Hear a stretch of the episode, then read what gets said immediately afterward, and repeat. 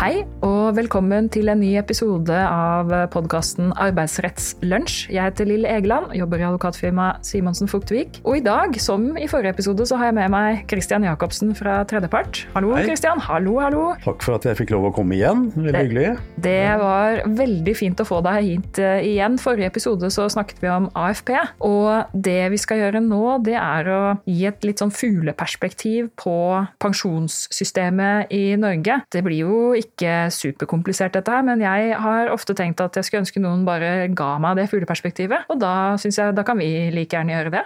Ja, vi får gjøre et forsøk. Ja. Så Som vanlig.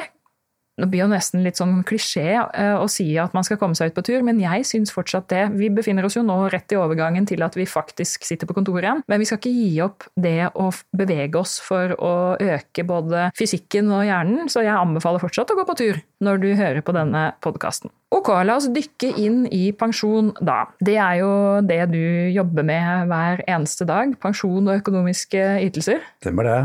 Det er jo som jeg sa i forrige episode, så hver gang vi får noe AFP-spørsmål, så blir jeg nervøs og i stor grad løper til tredjepart og Christian. Det er ikke alltid jeg løper eh, Jeg blir ikke like nervøs alltid når jeg får spørsmål om pensjon generelt, eh, men det er likevel mye sånn detaljert i pensjon i Norge. Vi skal jo ikke inn i det nå. Nå skal vi se Nei, på vi får holde oss eh, litt på overskriftene, så, så er det mulig å få en oversikt. Men det er klart, dukker du langt ned i detaljer her, så blir det fort eh, kan bli litt mye å forholde seg til. Da trenger vi mer enn en halvtime. Da trenger vi mer enn en halvtime. La oss begynne med det fugleperspektivet. Og jeg, det er jo sånn i Norge at pensjon det skal du ha når du, blir, når du skal gå av med pensjon. Og en viktig del av det du får, er jo det du har tjent opp i norsk folketrygd. Så hvis man tenker seg en tabell, så, så, jo, så er jo basisen det som ligger i folketrygden. Det skal vi litt inn i, og så skal du fortelle oss litt om mulige reformer og hva som skjer på det området der. På toppen av folketrygden så ligger det som er tjenestepensjon. Og vi har jo i Norge et plikt for arbeidsgivere til å tegne tjenestepensjon. Og der kan vi ha forskjellige typer som arbeidsgiverne kan velge mellom. Så da skal vi dykke inn i de. Det som kan komme på toppen av det igjen, det er jo top hat-pensjoner, som man kaller det. Fordi pensjonsregelverket for kollektive ordninger det tillater jo bare at man sparer opp til 12 G, som er sånn rundt 1,2 millioner Ja, 1,276 cirka for å være der. cirka nøyaktig. Ja. Så har du lønn over det nivået, eller har du arbeidstakere med lønn over det nivået, så får man jo ikke dekket eller regnet pensjon fra det som går over det nivået. Og noen arbeidsgivere velger jo da å tegne topphattpensjoner av ymse karakter for å kompensere for også lønn over 12 G. Men det skal ikke vi eh, Det får bli en egen episode, Det kan jeg. bli en egen seanse, jeg er helt enig. Så, så det vi skal inn i, det er folketrygden, og det er tjenestepensjon. Men snakk litt om folketrygden fra et pensjonsperspektiv. Ja, altså det er jo grunnmuren vi har i, i bunnen alle sammen. Uavhengig av privat eller offentlig sektor, så har vi jo folketrygdopptjeningen vår avhengig av inntekt og hvor mange år vi har jobbet. Så um, hvis vi tar for oss folketrygden for de som er født i 63 og senere, da, som da er fullt om, omfattet av reformen som kom for drøye ti år siden, så er det jo sparing 18,1% av lønn opp til 7,1 G, som er 755 000. Ja. Det er jo ikke spesielt eh, høy lønn i Norge i dag, altså det er en god lønn. Men snittlønnen i Norge i dag, jeg så her tidligere, eller i forrige uke, var vel 50 000 i måneden, altså 600 000. ja. Så dette med pensjon fra arbeidsgiver, det er jo Har du en arbeidsgiver som har en god ordning for lønn over, 12, nei, over 7,1 G, så er jo det et betydelig lønnsgode. Ja. Stor forskjell på å være ansatt i hjemmedrift med lav pensjonsordning eller lavt innskuddsnivå og større. Ja. Så vi kan si at forskjellene er jo blitt større i arbeidslivet etter at reformen trådte i kraft. Da. Nettopp. Og de som er da eldre enn eh, 1963, Ja. de er fortsatt omfattet av det som gjaldt før. Ja, de som er yngre, født i Eh, yngre 62 ja. Mm. og tidligere. Så 1953-kull og, og tidligere de er omfattet av gammelordning, altså den gamle folketrygden med maks 40 års opptjening, 20 beste år, opptjening opp til 12 G osv. Mm. Eh, Så har vi hatt en sånn overgangsordning på 54 til og med 62-kullet, hvor de har hatt en andel av gammelt og gammel og ny ordning. Da. Og det er 63-kullet som er skillet. Du, du sa Der 53, går men skillet, ikke 63 er Ja. skillet. Ok. Ja. Nei, men det er jo litt om nivåer i, i folketrygden. Så, men Fordelen med folketrygden er jo selvfølgelig at den er livsvarig, og den reguleres ut fra lønnsveksten, da, eller G-regulering som man ofte kaller det. Ja. Som skal gjenspeile lønnsveksten, årlig lønnsvekst. Da. Nettopp, og livsvarig. Med andre ord, når jeg går av med pensjon, og det er jo lenge til, da, men likevel, når jeg går av med pensjon, så slipper jeg å tenke på at jeg får bare pensjon fra folketrygden i ti år. Jeg får pensjon fra folketrygden til jeg dør. Ja. Men den er jo blitt redusert, og det er klart det som bakteppet her, er at vi lever lenger. Det er jo en kjempegod nyhet. Den dårlige nyheten er at det koster penger, og det er jo årsaken til at ting er endret. da. Så hvis du ser på ja, en person som tjener 600 000 i lønn, jobber 40 år, eh, innen er 67, og ikke tar ut folketrygden før 67, så er det 40% av lønn som kommer fra folketrygden. Ja. Det er det. Ja. Og skal du bli ålreit, så må du ha en tjenestepensjon som, på toppen som sørger for det. Tjener du 850 000, så er, sitter du igjen med 35% tilbake. 12G, så er vi på 24 ja. Så det er jo ikke eh, sjelden vi møter høytlønnede, jobber jo mye ut mot oljebransjen. Folk tjener kanskje et par millioner eh, oppunder det og har gode pensjonsordninger, men de er på innskuddspensjon, så pengene er ferdig utbetalt ved 77. Ja. Eh, så ser det litt trist ut fra 77 år og resten av livet. Så dette gapet må man være litt forberedt på, da. Så, ja, det blir spennende. Jeg tenker Når vi skal snakke om den tjenestepensjonen etterpå, så, så er jo det faktisk eh, i mer og mer grad en rekrutteringsmulighet for arbeidsgivere. Eh, og da tror jeg man skal prøve å skape litt entusiasme rundt pensjon ja. også, for det er jo ikke veldig mange unge mennesker som har den entusiasmen. Men den burde de ha. Ja, de burde ha det, men eh, det er klart eh, vi har en sånn belønningshjerne. Eller en liten del av hjernen vår er avhengig av belønning. Og det å spare 40 år frem i tid for at du skal få noe da, det, altså, vi er ikke laget for det. Så til yngre så pleier jeg å si at uh, tilegn deg gode vaner, begynn å spare. Fryktelig kjedelig i starten, men det blir veldig moro når, det å bli, når du ser pengene vokser. Og så får man heller kalle det pensjonssparing når man nærmer seg si 45, nærmere 50. Da vil også prognosene på Nav og også pensjonsleverandøren stemme bedre. Godt atferdspsykologisk råd. Men uh, folketrygden, er det noe på gang der, eller? Ja, det er jo en evaluering som uh, pågår. Et utvalg som ledes av Kristin Skogen Lund. Primært fagpersoner som sitter her. LO og NO ikke, ble ikke invitert. Mm. Uh, mulig de blir litt sure for det, men de blir jo selvfølgelig in involvert når rapporten kommer. Og det man ser på er jo det berømte bærekraftige ordet som brukes i alle sammenhenger i dag. Da, men pensjon må være bærekraftig. Uh, så det er jo dette med levealdersjustering, altså hvor lenge vi lever. Uh, vurdering på aldersgrensen, den ble jo endret for noen år siden til 70. Diskusjonen diskusjonene kommer til å dukke opp nå om den skal endres til kanskje 72 eller 75. Mm. Eh, vi ser jo det at ny folketrygd gir opptjening til 75, det gjør også innskuddspensjon. Og så er man opptatt av å unngå eh, pensjonsfattigdom, da. Mm. Det er også et stort tema. Så jeg tenker at eh, når rapporten kommer rett rundt hjørnet, så, så er det en del ting som blir satt i gang. og Ser vi til Sverige, så har jo de endret alder for når man kan ta ut pensjon. I 2026 er det tidligst 64 år. Ja. Og vi må nok dit, vi også. For ta ut pensjon ved 62, som vi kan i dag, og kanskje slutte å jobbe, og så lever vi til 90 år, det klarer du ikke å regne hjem. Da må vi gjøre noe med ordningene. Da må det bli enda dårligere. Da risikerer vi å møte pensjonsfattigdom eh, i andre enden for de som ikke har gode nok ordninger, eller de som er uføre i dag osv. Så, videre. så det er mange hensyn å ta. Komboen eh, ikke mer olje og lavere pensjonsalder er jo ikke bærekraftig på sikt? Nei, det er ikke overhodet ikke. Så mm, så det blir jo spennende å se, da. Så um, En annen ting som også er uh, nylig jeg så, da, det var jo at uh, andelen eldre uføre har jo gått ned. Det er for så vidt positivt. Mm. Men det er jo litt pga. reformen også, fordi nå kan jo alle ta ut pensjon ved 62. Nettopp. Hvis du har nok opptjening, da, vil ja. merke. Så, men man har fått en økning på yngre uføre, dessverre. da. Så det er der den kommer, da. Ja. Så, dette er jo store og viktige spørsmål for eh, alle oss eh, som nasjon. For eh, skal, vi skal leve av noe, og barnebarna skal leve av noe, så det er viktig at man finner den balansen. Men ok, er det kanskje en god liksom, innledning om folketrygden? Den er basen vår. Den utgjør mm. jammen meg ikke så veldig mye i prosent hvis du er høytlønna. Nei, da er det ganske stemoderlig det som kommer tilbake i prosent. Men det gode så... siden er at den er i hvert fall livsvarig. Men la oss hoppe over kanskje på, på tjenestepensjon, da. Ja.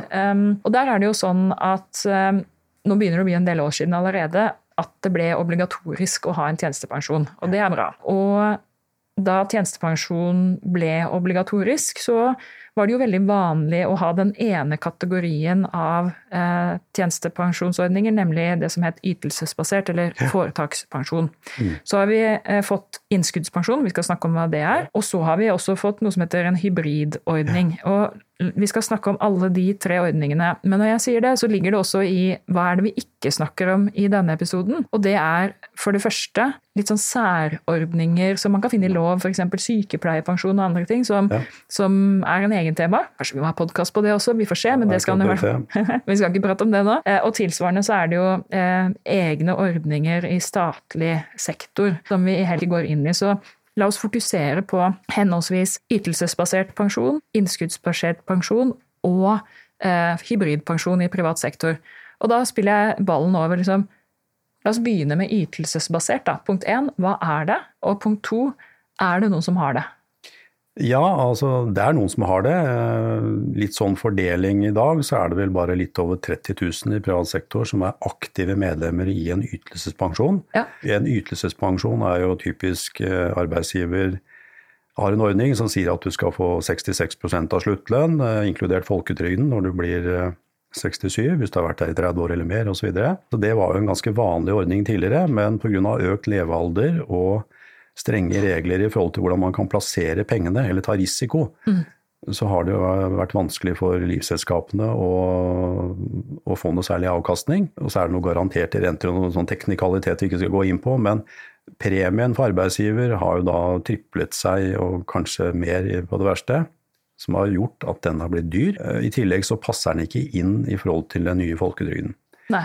Så, så, det har jo vært et renn nå de siste 10-15 årene hvor eh, arbeidsgiver har gått bort fra ytelse. Lukket ordningen, så har man sagt at de som er en gitt alder, de får lov å bli med helt ut. Eller at alle har gått ut, og gått da over på stort sett innskuddspensjon. Men noen har jo også valgt hybrid. Og litt fordeling, så er det jo drøye 30 da, på aktiv medier på, på, ytelse. Innskuddspensjon litt over 1,5 millioner i privat sektor. Mm. Eh, og nå er det faktisk flere på hybrid enn på ytelse. Det er litt over 40 000 på hybridpensjon. Ja. Det er jo liksom typisk mer selskaper som er eid av eh, statlig eide foretak, som mm. da har gått ut av Statens pensjonskasse og da ender gått over til en ordning som Hybriden er jo fortsatt en livsfarlig ordning. Vi skal ta hvis, litt mer på den. Ja, kanskje vi skal gå dit nå, for da har vi i hvert fall da har vi snakka litt om ytelsesbasert. Vi vet at det er en ordning hvor arbeidsgiver garanterer et visst nivå på pensjonen din ja. når du går av med pensjon. Vi vet også at det er ikke noe vanlig lenger. Nei. Og så har du introdusert eh, denne hybridversjonen. Eh, fortell hva det er. Hybrid er jo fetteren til eh, innskuddsordning. Innskuddsordning er jo opphørende ordning. Er jo, der blir jo kassen tom. Eh, ja. Lenge før du når forventet levealder, gjerne med 77. Men uh, hybridordningen det er en spareordning. Arbeidsgiver betaler en gitt prosent av din lønn inn til en sparekonto som er din. Og der er det forskjellig pris på kvinner og menn, fordi denne her er, hybridordningen er livsvarige. Mm. Og så kan arbeidsgiver tegne garantier for eh, at eh, summen Altså at det ikke skal bli noe mindre penger. Mm. Hvis eh, avkastningen ikke når opp, eller så kan det være flytende i forhold til avkastning. Så det er litt forskjellige varianter der, da. Men det er nå da en livsvarig ordning. Ja. Så du sier det er fetteren til innskuddspensjon. Det høres jo litt ut som en slags tremenning av ytelsespensjonen også? Ja, det ligger noen også. garantier her, da. Og det som har vært med ytelsesordning og garantier, der har jo arbeidsgiver måttet ta dette inn i regnskapene. Mm. Inn i balansen. Fremtidige pensjonsforpliktelser. Og så tenker de ansatte at det er jo ikke så farlig. Nei, det er mulig, men uh, hvis det ikke går så bra da, og du skal til å låne penger, så står jo dette som en gjeldspost i, i, i regnskapet. Mm. Og jo mer gjeld du har, og dårligere regnskapene ser ut, jo dyrere er det å låne penger ut i markedet. Mm. Eksempelvis hvis du driver i flybransjen. ikke sant? Gitt eksempel. Så garantier er jo, hvis man kan slippe det, så er, er jo det å foretrekke. Du nevnte noe om eh, at det kanskje ikke var så vanlig å ha en hybridordning heller. Si litt om det. Det er jo i hvert fall de normalt, eller normalt vanlige privateide selskaper velger primært innskuddspensjon. Ja. Eh, de som kommer fra gode ordninger i Statens pensjonskasse eller KLP, det er der det gjerne blir tema. Mm. Så mm, med å gå over til hybrid, da. Så, Nettopp. Så, men det er jo kostnadsspørsmål også, selvfølgelig, da, for, uh, for arbeidsgiver her. Mm. Så, Kanskje litt dyrere med hybrid? eh, litt ja, det er jo en litt dyrere ordning, da. I og med at én ting er premie, men det ligger noen reguleringsgarantier inne i bildet her. Og, Og kommer de også i, eh, altså Kan det også skape problemer for deg regnskapet, disse garantiene, eller? Ja, altså de må i hvert fall inn i regnskapene, men det er jo ikke noe sånn stor post i, i balansen, Nei. akkurat disse øh, reguleringsgarantiene. Da. Men Noe penger blir det jo alltids øh, hvis det er en større bedrift. Ja. Det, gjør, det gjør det. Da tenker jeg, altså Vi har snakka om, vi har snakket om ytelsesbasert, vi har snakka om hybrid. Da skal vi over på det som er det vanligste Ja. i privat sektor, nemlig innskuddsbasert ordning. Mm. Hva, hvordan funker det? Nei, Innskuddspensjon er for så vidt greit å forklare. De er jo Arbeidsgiver betaler en prosent av din lønn inn til en sparekonto som er din. Og hva det blir til slutt, den risikoen ligger på den ansatte. Mm. Så den dagen du ønsker å starte uttak av pensjon, om det er 62 eller 65 eller 67, så skal beholdningen fordeles eh, over antall år du har igjen til 77. Du har en egen sparekonto, og pengene skal da fordeles over en gitt periode, men den er da opphørende. Så Eh, Så det er klart, Har du fått utbetalt all pensjon fra arbeidsgiver ved 77, så lever du til 87 eller inn i 90-årene. Så det er det gapet vi, man bør være litt obs på her, da. Så da, og det du sier der, det er jo når man har ytelsesbasert pensjon, da stopper det ved fylte 77. Mm. Eh, med andre ord, som du var inne på, da er du tilbake til de prosentene som folketrygden gir deg av din tidligere lønn. Yep. En sterk oppfordring, som du sier, til folk for å sørge for å spare penger, sånn at man kan gå og drikke vin også etter fylte 77. Det er viktig. Eh, Det andre som vil eh, si noe om hvilket nivå du har på nei, innskuddspensjonen fram til 77, det er jo hvilken prosentsats arbeidsgiver betaler inn. Og Der har vi en, et minimumsnivå, og så har vi et maksimumsnivå. Si litt om det. Ja, altså Da denne lov om obligatorisk tjenestepensjon kom i 2006, eh, og det er jo minstesatsen, og det er jo at arbeidsgiver skal betale 2% av lønn over en G, altså over grunnbeløpet som er 106 000 ca. i dag. Eh, Så det vil si at de første 100 000 på lønnen din, da får du jo ikke sparing i det hele tatt. Så, så kan man jo i dagens uh, situasjon si at det er en dårlig ordning. Ja, men da den kom, så var det veldig mange som ikke hadde pensjonsordning i det hele tatt. Mm. Så, så det er klart for den gruppen så var jo det en god nyhet. Og så er det jo uh, lov til å ha høyere satser. Arbeidsgiver kan maksimalt betale 7 fra første krone opp til 755 000, altså 7,1 G. Mm. Og der folketrygden gir seg på 18,1 så kan arbeidsgiver ta over den prosentsatsen på 18,1 Mm. i tillegg til 7 opp til 12 G, Ja. altså 1 276 Så det vil si at på høy sats da, så er jo maksimale satsen 25,1% Inkludert de sju. Inkludert i syv. Ja. Det er ikke mange selskaper som har. Det er, eh, det er 3 totalt Av selskapene som har så høyt. selskapene i privat sektor som har det. Og da har vi olje, oljebransjen primært. Men, og, og det er interessant når du sier det, fordi det, som advokat så får jeg ofte spørsmål om Det er egentlig litt rart, men jeg får spørsmålet, og jeg svarer på det også. Hva skal vi sette som prosentsats på, ja. på pensjonsordningen vår? Det er jo typisk når utenlandske selskaper kommer inn i Norge. Og da, eh, da er det jo sånn, hvis vi skal se på litt sånn din erfaring, da, eller kanskje har du et statistikk på det, i så fall enda bedre, men 2% minimumsordningen, Ja. hvor vanlig er den? Den er dessverre ganske vanlig, altså at man ikke betaler fra første krone. Det er 375 000 i privat sektor som Mm. ikke har pensjon fra første krone. Ja. Og så er det jo da rundt eh, var det så 27 000 eller sånt noe, som har 2% fra første krone. Ja. Altså som er, totalt så er det rundt 400 000 da, som ligger på laveste sats her. Ja. Og så er det jo en del selskaper som um, har høyere sats, altså gjerne med knekkpunkt til 7,1 G, at de har eksempelvis 5 opp til 755 000. Og så har de kanskje 8 eh, på lønn mellom 755 og og 12,76, da. Ja. Eh, Og opp til kanskje 10-12-13-14 eh, Ikke uvanlig. Tidligere så var jo 5 og 8 maksen, så vidt jeg husker. Ja, Um, stemmer det. Og inntrykket mitt er at eh, før var jo det da ansatt som en veldig god ordning. sant? Ja da, vi har 5 opp Det var til maksimalt da. så- ja. Betyr det at 5 og 8-nivået, det er et litt sånn vanlig nivå for mange å legge seg på, eller? Nei, i, dag så er det noe flere som ligger på høyere. Det er jo veldig bransjeavhengig. da. Altså 2 er jo typisk eh, små konsulentfirmaer, det er butikker, frisører, vikar og bemanning ligger der. Eh, går vi til 3 så har vi også butikk, men da har vi også jordbruk og andre tjenester. Eh, fiske står det her, ser jeg. Mm. 4 faktisk juss, ser jeg. Altså, Entreprenørvirksomhet, juss og regnskap. Konsulentfirmaer. Og så kommer vi da på høyere satser. På 5% så er vi på ja, arkitekter, helsetjenester, kraft og industrien generelt. Mm. Industrien så er jo 5% en ganske vanlig Eh, lav sats, i hvert fall. da. Mm. Så har du jo gjerne høyere sats på 7,1 G. Nettopp. Men um, de fleste ansatte i en bedrift har jo fastlønn under 755 000. Ja. Ikke sant? Så det er jo For de ansatte så er det jo viktigst at den lave satsen er høy. Mm. Uh, sånn sett, da. Uh, går vi opp på 6 %-nivå, så er det jo finans og forsikring, uh, medlemsorganisasjoner, altså det, det kan være fagforeninger osv. Mm. Eh, og så har vi på toppen 7% det er jo offshoreindustrien.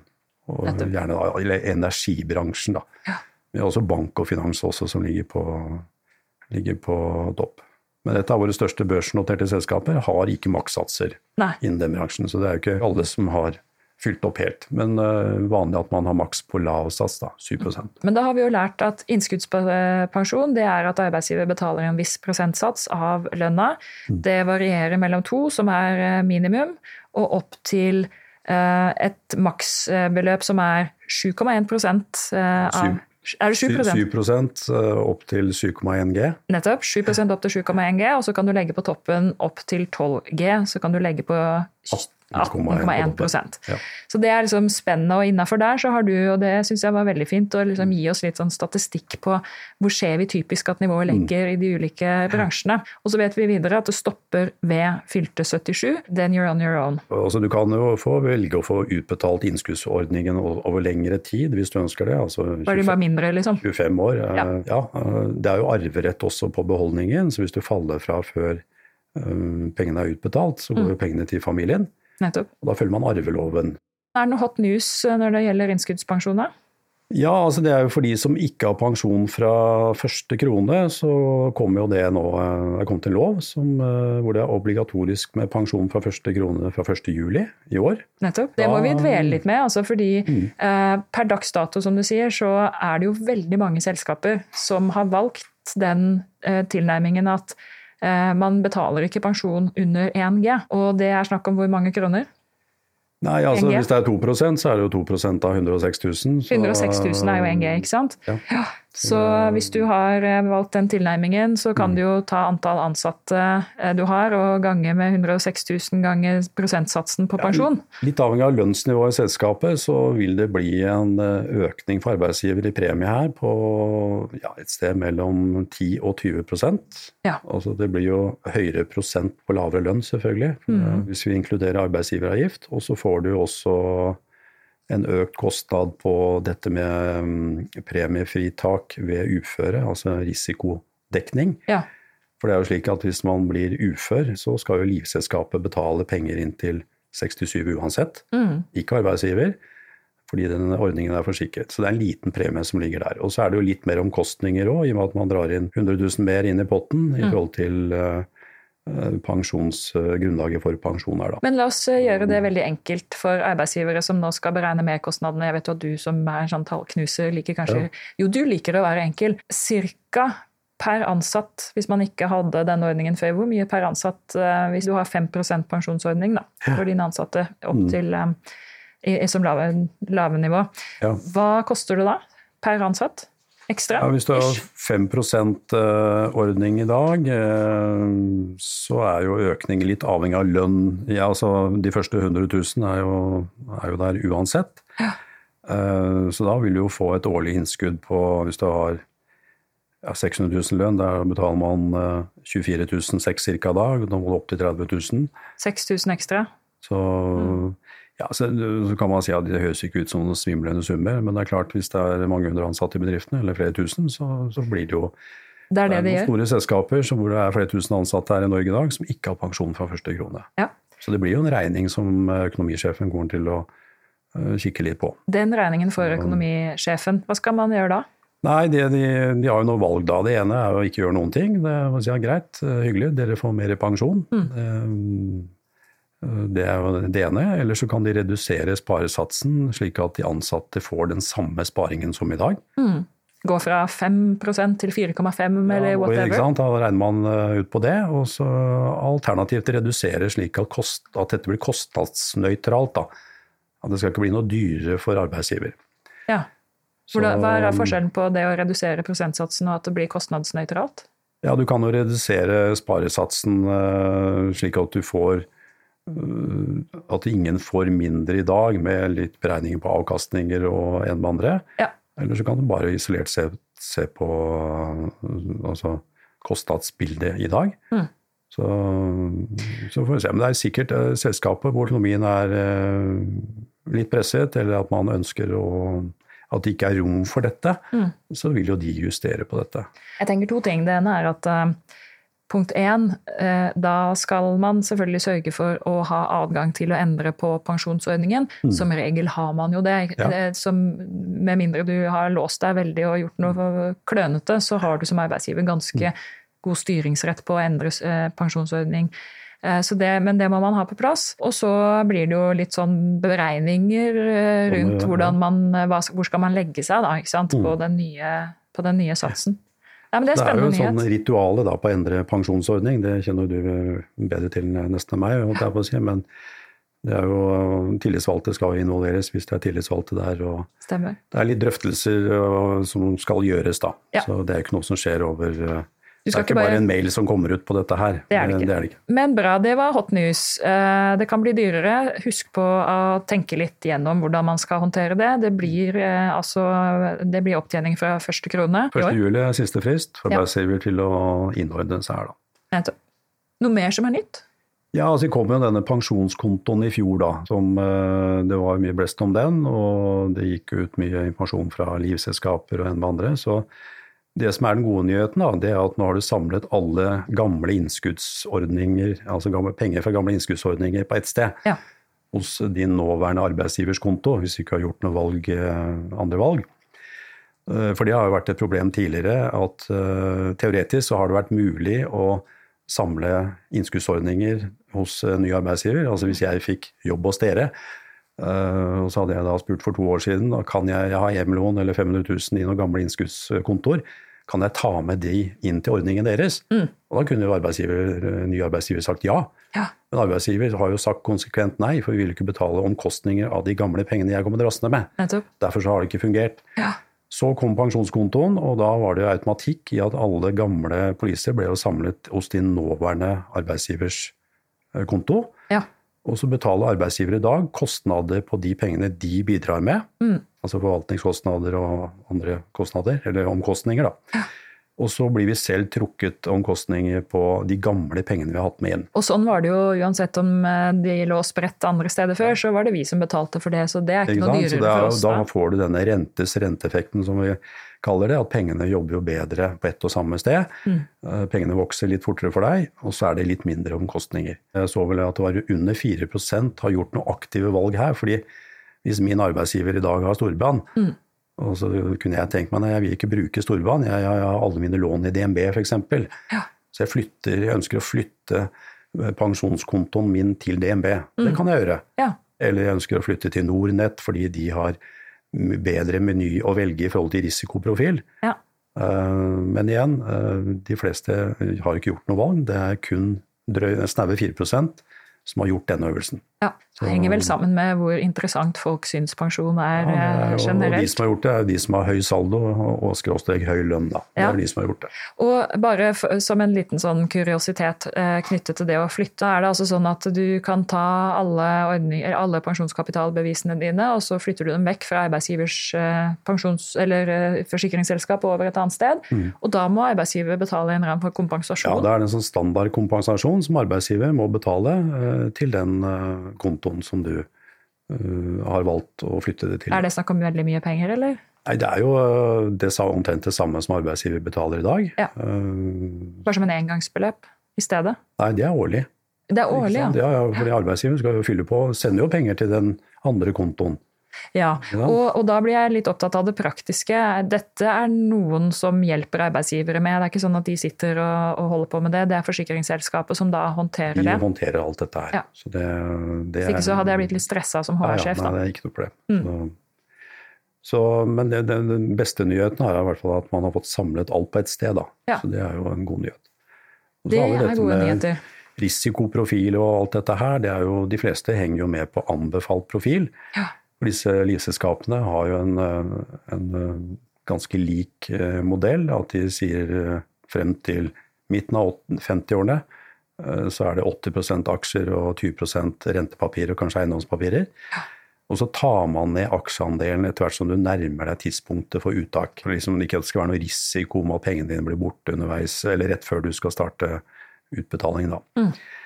Og Der er det også over 90% henger med på anbefalt profil. Men det er klart, yngre i dag, det er jo ikke noe problem å kjøre 100% aksjer til midten av 50-årene, og så får man heller ta det ned da. Men det passer seg ikke for livselskapene.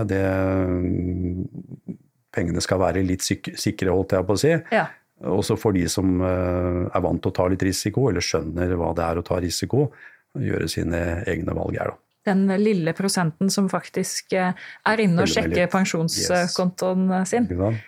Nei, men dette, dette, var eh, bra gjennomgang av et. Eh, ganske komplisert system, men likevel forklart på en fin og enkel måte.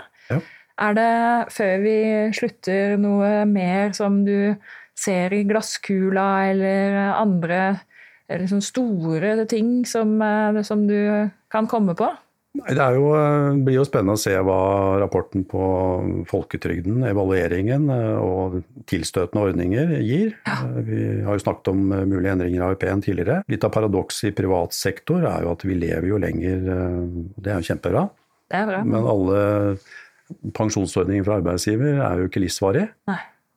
Så vi risikerer jo da, hvis du tar en 30-åring i dag, da, de vil nok ikke oppleve. Nei. Det, skal i hvert fall ikke budsjettere med det. De har heller ikke opplevd å få en fripolise fra en ytelsesordning.